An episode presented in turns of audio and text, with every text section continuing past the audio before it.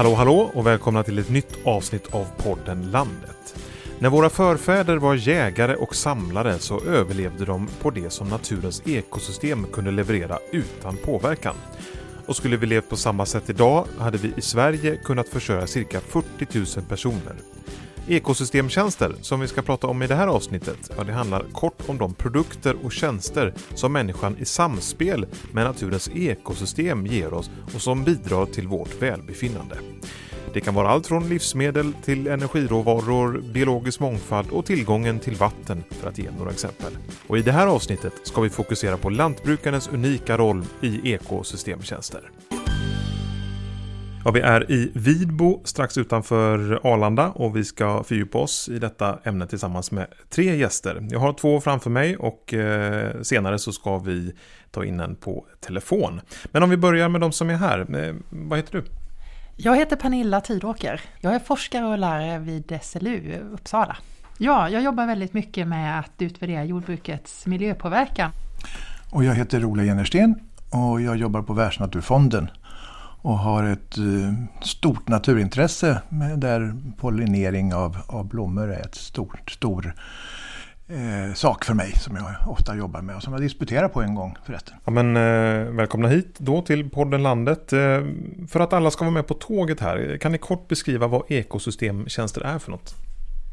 Ja, man kan ju säga det att det är de nyttigheter som vi får från naturen, från ekosystemen och det kan ju vara allt från naturligtvis den, en del av den mat som, som vi kan tillgodogöra oss från naturen.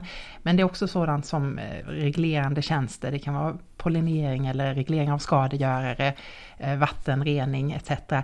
Eh, olika stödjande funktioner i landskapet, det här med jordmånsbildning och annat. Och också i kulturarvet, de kulturella ekosystemtjänsterna. Hur vi upplever naturen och hur vi kan använda den för rekreationssyfte till exempel. Ja, det var väl rätt så komplett beskrivning av det. Det är viktigt då att, att de är alltså det, det som är bra för människor. Det tycker jag är viktigt att undersöka. Det är inte bra för djuren, de här grejerna, utan det är bra för oss. De är utvecklade för att visa på naturens tjänster som vi kan ha, ha, ha eh, till vår nytta, så att säga. Och, e- en styrka med det här begreppet ekosystemtjänster det är att det synliggör och är möjlighet att värdesätta väldigt många av de nyttigheterna för oss människor som väldigt ofta blir liksom osynliggjorda, eh, osynliggjorda därför att det, det finns liksom inget eh, monetärt värde på dem. Och vilka ekosystemtjänster är det som en lantbrukare exempelvis bidrar till? Kan du ge ett konkret exempel där? Ja, dels handlar det, det till exempel om det man gör på åken och då kan det ju vara att stimulera till, till kolinlagring eh, genom att odla perenna grödor, vall i synnerhet eller salix eller liknande. Eh, det kan vara åtgärder som gör att man stimulerar till markbördigheten, till att man får högre efterföljande eh, skördar. Eh, men det handlar ju också om hur man sköter olika biotoper och betesmarker som är så att säga utanför själva åken. Och de är också oerhört centrala för många ekosystemtjänster. Kan vi sätta ord på hur unik roll som bonden och lantbrukaren har i det här sammanhanget? Ja, det, det är ju centralt naturligtvis för, för både positivt och negativt när det gäller jordbrukslandskapet. Eh, och många ställen också skogslandskapet eftersom en, en bonde i Sverige väldigt ofta också är skogsägare. Så hans aktiviteter är ju, det är ju en av de mest eh, påtagliga när det gäller svenska landskap. Vi bor ju här ute på landet för att det finns aktivt jordbruk som på, annars skulle det här bli en väldigt tråkig och buskig och igenväxt eh, trakt. Eh, så, så, i min värld så är de ju centrala. När det kommer till vissa ekosystemtjänster så är ju, eh, finns det liksom ingen, ingenting som kan ersätta den roll som lantbrukaren och de betesdjur som, som, som finns på, på, i lantbruket har. Och det, jag tycker just naturbetesmarkerna på många sätt är en väldigt bra utgångspunkt för att diskutera ekosystemtjänster, för där, de, de samlar så mycket så att säga eh, av positiva värden. Eh, och eh, där har vi liksom ingen egentlig ersättning för det. Vi ska ta in ytterligare en röst i samtalet då via telefon. Jag säger hallå hallå till lantbrukaren Håkan Wahlstedt. Ja du Håkan, du får presentera dig lite närmare sådär och var någonstans i landet du, du befinner dig. Ja, hejsan. Eh, ja, vi, jag och min hustru vi driver ett lantbruk en, två mil utanför Örebro. Mm. Vi har en konventionellt lantbruk med eh, 280 hektar åker och sen har vi specialiserat oss på slaktsvin så att vi har ganska många grisar här på gården. Vi odlar det mesta som man brukar göra på växtodling. Det är ju ehm, höstvete, korn, ehm, havre. Och i detta sammanhang när vi pratar om ekosystemtjänster. Ehm, du som, som lantbrukare, hur unik roll har du i det sammanhanget tycker du? Ja, vi, vi som är lantbrukare vi sköter ju om en väldigt stor del av Sverige när det gäller all, all, all lantbruksareal så att säga. Så att eh, det har ju stor betydelse vad vi gör på åkrarna, eh, vad vi odlar och eh, hur vi, hur vi tänker så att säga. Det, det är klart att det är ju en väldigt viktig del i, i den biologiska mångfalden och, och eh, ekosystemtjänster som du pratar om. Mm. Känner du dig personligt viktig i den här kedjan så att säga? Ja, det tycker jag. Vi har ju jobbat en hel del med, med de här frågorna under några år nu så att vi har ju fått samla på oss lite erfarenheter. Vi har ju varit, eh, vi är ju pilotgård inom ett projekt som heter Odling i balans. Mm. Där vi tittar lite grann på konventionellt lantbruk och hur vi kan eh, vad vi kan göra så att säga för att anpassa och få det mera hållbart och eh, ur alla synpunkter, inte bara biologisk mångfald och så, utan vi tittar även på alla olika typer av eh, hållbarhetsfrågor. Just det. Och vilka är de viktigaste delarna du gör för att bidra till olika ekosystemtjänster på, på eran gård? De sista eh, åren kan man säga nu bort en åtta år, tror jag det är, så har vi jobbat väldigt mycket med, med att eh, försöka gynna den biologiska mångfalden i olika former. Dels så har vi odlat väldigt mycket kantzoner där vi har eh, blandat och sått olika typer av blommor och, och gräs och, och ja, överhuvudtaget för att få en bred eh, biologisk mångfald i kantzonerna på åkrarna. För att mm vi driver ju ett rationellt jordbruk och då måste vi jobbar vi på en konkurrensutsatt marknad och vi måste ju få ett effektivt jordbruk på den stora arealen och sen så kan vi så att säga spara lite grann arealer då i kanterna där vi då kan eh, få få en bättre situation då när det mm. gäller den biologiska mångfalden. Då. Sen har vi även jobbat med, med lärkrutor eh, väldigt länge egentligen eh, där vi har sparat lite osådda rutor ute i fält och i höstvetefältena där lärkorna då kan landa och eh, gå in i grödan och, och häcka och söka föda. Vad är dina drivkrafter för att jobba med olika ekosystemtjänster? Ja, för tillfället så är det ju inte finns det ju inte egentligen något som, något som jag kan säga att jag tjänar på det.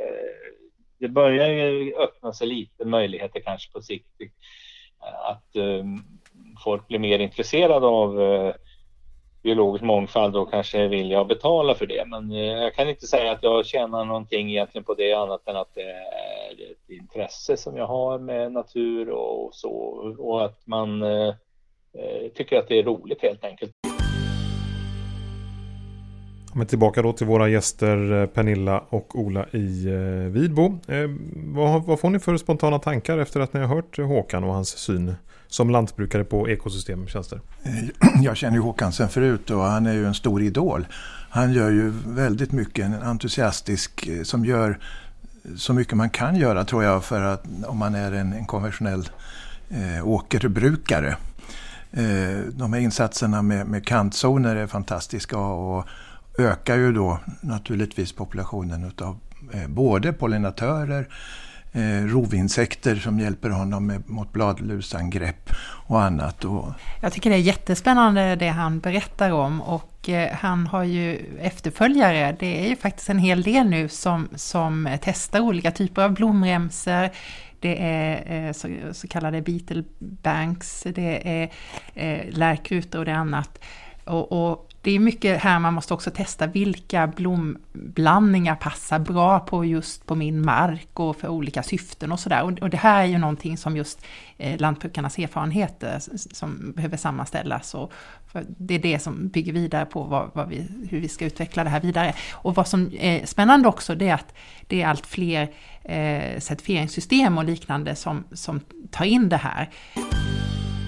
Ola då, en, en tanke som dök upp i mitt huvud här. Att, att liksom som lantbrukare jobba med ekosystemtjänster och att eh, skydda miljön och sånt där. Och samtidigt vara långsiktig produktiv i eh, sitt lantbruk. Går det att kombinera de här två ändamålen?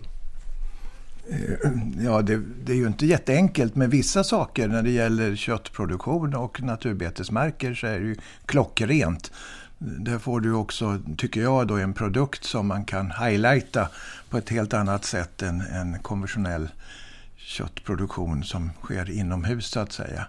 Jag tror, och jag tror också att fram, den här idéerna har framtiden för sig. Jag menar, vi, har, vi har sett att det går så dåligt för många arter. Alltså vi har ju de senaste 60 åren haft en, en nedgång på populationer ner till 60 procent. Alltså det är siffror som man blir alldeles rädd för. Insekter på, i många studier har visat liknande nedgångar. Och det där är inget bra för vår framtid helt enkelt. Vi måste alltså bli aktiva här och det här intresset har också gynnats. Jag, menar, jag som en gång disputerade på pollination har inte hört det ordet på många, många herrans år. Men nu hör man det dagligen. Och det är ett tecken i tiden så att säga. Att eh, vi, vi, vi är intresserade och jag tror också att kunderna kommer bli intresserade av det här i framtiden. Men om jag håller kvar vid den här liksom konflikten då, finns det några delar som är mer hotade än andra i, i eh, lantbruket? Ja, det är ju, det är ju framförallt då åkerbruket som är det tuffa. Eh, där har du en, en monokultur. Eh, biologisk öken om man är taskig så kan man till och med säga så för att eh, det, det är svårt för många arter att överleva där. Eh, och, med de här tillsats, eller de här åtgärderna som Håkan håller på med så eh, blir jag väldigt glad och, och tror på en möjlighet. Jag tror att, jag menar det är ju stora områden. Kunde man få det här mer allmänt bland eh, lantbrukare att jobba med de här frågorna och eh, sen också då att vi får ett miljöersättningssystem som, som gynnar det då tror jag att vi skulle kunna vända den här negativa utvecklingen för pollinatörer, insekter och, och andra djur i åkerlandskapet, eller i, i, i jordbrukslandskapet. Vi ska prata lite mer framåt eh, alldeles strax. Men först så tänkte jag vara lite tråkig och nästan så här kamrerlik här och prata ekonomi istället. Eh, jag tänker att det här liksom är en ekonomifråga för vissa lantbrukare. Är det dyrt för den enskilde lantbrukaren att jobba med det här med ekosystemtjänster på ett mer aktivt sätt? Eh, jag tror man får utgå väldigt mycket från vad är förutsättningarna på den enskilda gården och vad är förutsättningarna inom den enskilda produktionsgrenen och så försöker man hitta liksom bra lösningar. Och eh, på en eh, spannmålsgård eller om man producerar Eh, grisar, eh, som, som Håkan här berättar, då kan det vara alldeles utmärkt att etablera blomremser. Eh, har man en, en mjölkgård eller producerar nötkött och har mycket vall, då kanske man ska jobba lite mer kring, kan man spara remsor av vallen, låta den gå upp i blom och därmed ge liksom, möjliggöra för liksom klöven att, att blomma och, och bli föda för pollinatörer. Och, och, då kan det vara en lösning som kan vara ganska kostnadseffektiv faktiskt. Mm. Så du menar att det kan vara ett billigt sätt då? Det kan, det, man får försöka hantera det, vad, vad är möjligt och bäst att göra på den enskilda gården. Det är ju både det att det kostar pengar, det också kostar arbete. Jag menar, det är ju inte, man får inte exempelvis blomsterremsor utan att man planterar det. Eh, så det här projektet som har jobbat med eh, de här blomstrande zonerna i åkerlandskapet har ju också försökt att se till att allting ska kunna göras med samma utrustning som man använder ändå. Det ska så att säga vara enkelt eh, på olika sätt att få i de här fröna i marken så att man får de här blommande kanterna. Eh, man, det gäller att få ett regelverk som är tacksamt, som gynnar det och sen, sen som sagt var också då få ersättning för det så småningom på, på olika sätt. Både ifrån, genom produkten och genom samhället. Det tror jag är viktigt. Mm. Finns det pengar avsatta för att få fler att jobba med ekosystemtjänster i just odlingslandskap? Jag tänker på stöd och sånt där. Jo, visst finns det stöd att, eh, eh och ersättning för, för det kan vara fånggrödor och annat eh, eh, för odling av vall och liknande. Eh, men jag tror att man behöver kanske ta ett eh, nytag och se över verkligen om, om nivåerna är tillräckliga. Uppenbarligen är de inte det. För någonting sådant som till exempel mellangrödor som diskuteras väldigt mycket och fånggrödor, det är någonting som skulle kunna implementeras i mycket större skala, men det, det måste också finnas ekonomi i det. Och det kan ju också vara en, en, en, en, eh, en åtgärd som har väldigt många goda effekter på många olika ekosystemtjänster. Vi har, kan få en ganska betydande kolinlagring. Eh, vi minskar markerosionen och utlakningen till exempel. Så det är just det här att hålla marken grön under stor del av året, det är en sån viktig kompletterande åtgärd. Hur ska vi få konsumenterna att bidra till fler ekosystemtjänster? Ja, det enda att göra det är ju att informera. Alltså vet man inte om vad som händer, då köper man ju det billigaste. Vet man vad det innebär, så finns det i alla fall en sannolikhet att man kan ändra beteende och, och, och, köpa det som är då mer nyttigt för naturen. Vi har jobbat i många herrans år då med naturbeteskött eh, som är då en sån produkt som är certifierad och eh, producerad då på ett sätt så att det genererar mer biologisk mångfald eller kanske någonting annat som vi gör mat utav. Eh, det är ju då ett, ett sätt att göra det, att, att informera om det. Men, men i syvende och sist då är det ju då när man står där framför eh, och ska handla, om, om man har en trängd ekonomi så är det ju lätt att ta det, det billigaste. Så det, det är ju en, ett stort problem naturligtvis. Jag tycker ändå det finns eh, en hel del positivt att ta fasta på. Om man till exempel tittar på, på köttkonsumtionen i Sverige, den har gått ner nu under några år, men andelen svenskt har ökat. Och det tycks ju ändå som många eh, konsumenter eh, vill göra ett aktivt val och välja till exempel svenskt kött. Och där har det varit väldigt tydligt när man har liksom kommunicerat kring en, en betydligt lägre antibiotikaanvändning till exempel, att, att det finns tydliga mervärden. Det handlar ju även också om djurvälfärden och, och annat som gör att, att man är beredd som konsument att betala lite extra. Och jag tror man måste gå och titta på även andra produkter utifrån jordbruket för att tydligt visa vad är mervärdena, liksom benchmarka dem mot det som vi idag importerar. Och vi har ju helt klart en eh, potential i att marknadsföra kring eh, och, och prata mer om eh, att vi har så mycket lägre användning av bekämpningsmedel i svenskt jordbruk än i många av de länder som vi importerar våra varor ifrån. Vi ska lyssna på eh, Håkan igen här. Jag tänkte lite på det här med lantbrukarens unika roll. Han är ju väldigt medveten om sin roll och brinner mycket för ekosystemtjänster. Men han har också lite tankar hur andra kan jobba framåt med det här och jobba mer med ekosystemtjänster. Vi har ju inom Odling Balans har vi jobbat mycket med med ett projekt som heter Samzon som, har, som är liksom bygger på att vi äh, har testat väldigt mycket olika Eh, blandningar och um, hur vi liksom ska etablera dem och hur, vilken blandning vi ska använda och för att mm. få effekter mot olika eh, pollinerare och så vidare. Och där har man liksom vunnit mycket erfarenheter så att jag hoppas att vi liksom på något sätt kan, kan etablera en, eh, en få, få, vidare det genom eh, Hushållningssällskapet eller andra rådgivningsorganisationer så att vi kan, kan liksom få ut eh, information om hur vi ska jobba med de här kantzonerna mm. eh, ifrån det här projektet då. Eh, och sen så behövs ju, tror jag, då ett, stöd för det här. Det tror jag skulle vara det snabbaste sättet att få igång eh, mera kantzoner så att säga. Ja, Håkans förslag där, det behövs stöd och jobb genom exempelvis rådgivning och Hushållningssällskapet. Vad säger ni om det? Men jag tycker han lyfter många viktiga saker, bland annat att ska man få en eh, skjuts på det här och mycket större fokus på att få in och, jobbar mer med ekosystemtjänster så behövs det både ersättning och mer betalning, så att säga att alla ska jobba i samma riktning för att lyfta värdet av det här. Eh, och sen tycker jag också det här med rådgivning är en sån jättecentral fråga. Eh, vi har idag ett väl etablerat nätverk över stora delar av Sverige med rådgivare som jobbar med växtnäringsfrågor, eh, utlakning och liknande och vad man kan göra på gården. Eh, där finns kostnadsfri rådgivning, där finns väldigt kompetenta rådgivare. Vi behöver också på samma sätt ha tillgång till rådgivare och kostnadsfri rådgivning som handlar om hur man kan jobba med biologisk mångfald, ekosystemtjänster på gårdarna och göra olika typer av skötselplaner som tar fasta på det som är, eh, som är unikt på den egna gården. Och där är vi inte idag. Eh, det skulle vara så att säga högt upp på min önskelista. Man, man brukar ju kalla det här tilläggsvärden. Om man köper en produkt som också inkluderar andra saker, som ett blomlikt landskap, massvis med surrande humlor och så.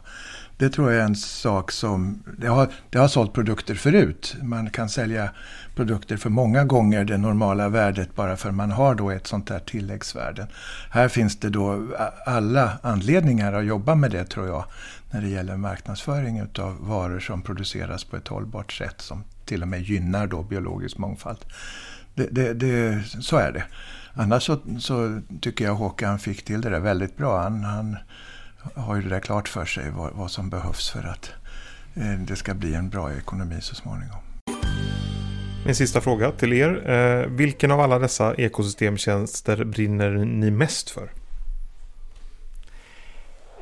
Men jag tycker att det är intressant att det finns väldigt många synergieffekter. Men ska jag lyfta någonting som vi inte pratat om så mycket här och nu idag, eh, som jag tycker är jätteviktigt, så är det just eh, de kulturarvet som vårt landskap bidrar till eh, och eh, spåren av så att säga alla generationers eh, lantbrukares mödor och hur viktigt det är att bevara för att förstå hur vilka, under vilka förutsättningar som vi har levt under här i Sverige under väldigt lång tid.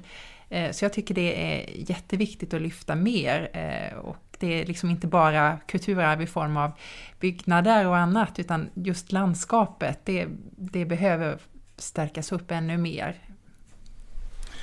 Den eh, eh inkomstgren som ökar väldigt mycket idag är ju turism och naturturism.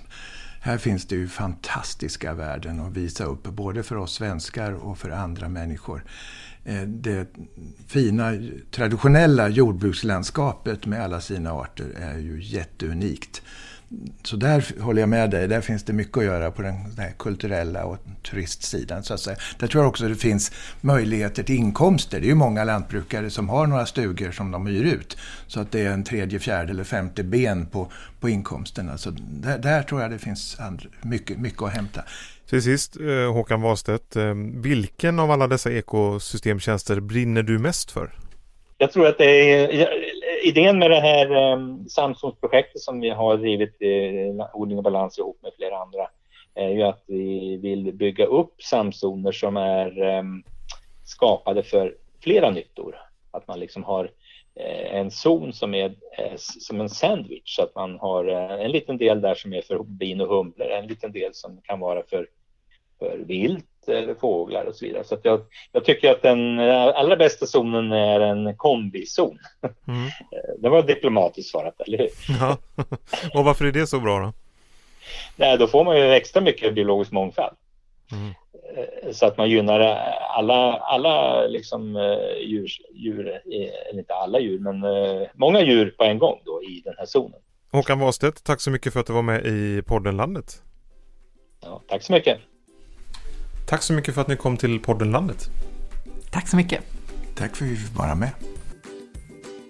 Ja, men då var det dags att stänga igen butiken för den här gången. Tack för att du har lyssnat. Fler avsnitt hittar du som vanligt på landsbygdsnatverket.se eller i eh, den poddapp som du lyssnar i. Bara att scrolla vidare i vårt flöde. Det finns många avsnitt att eh, lyssna på där.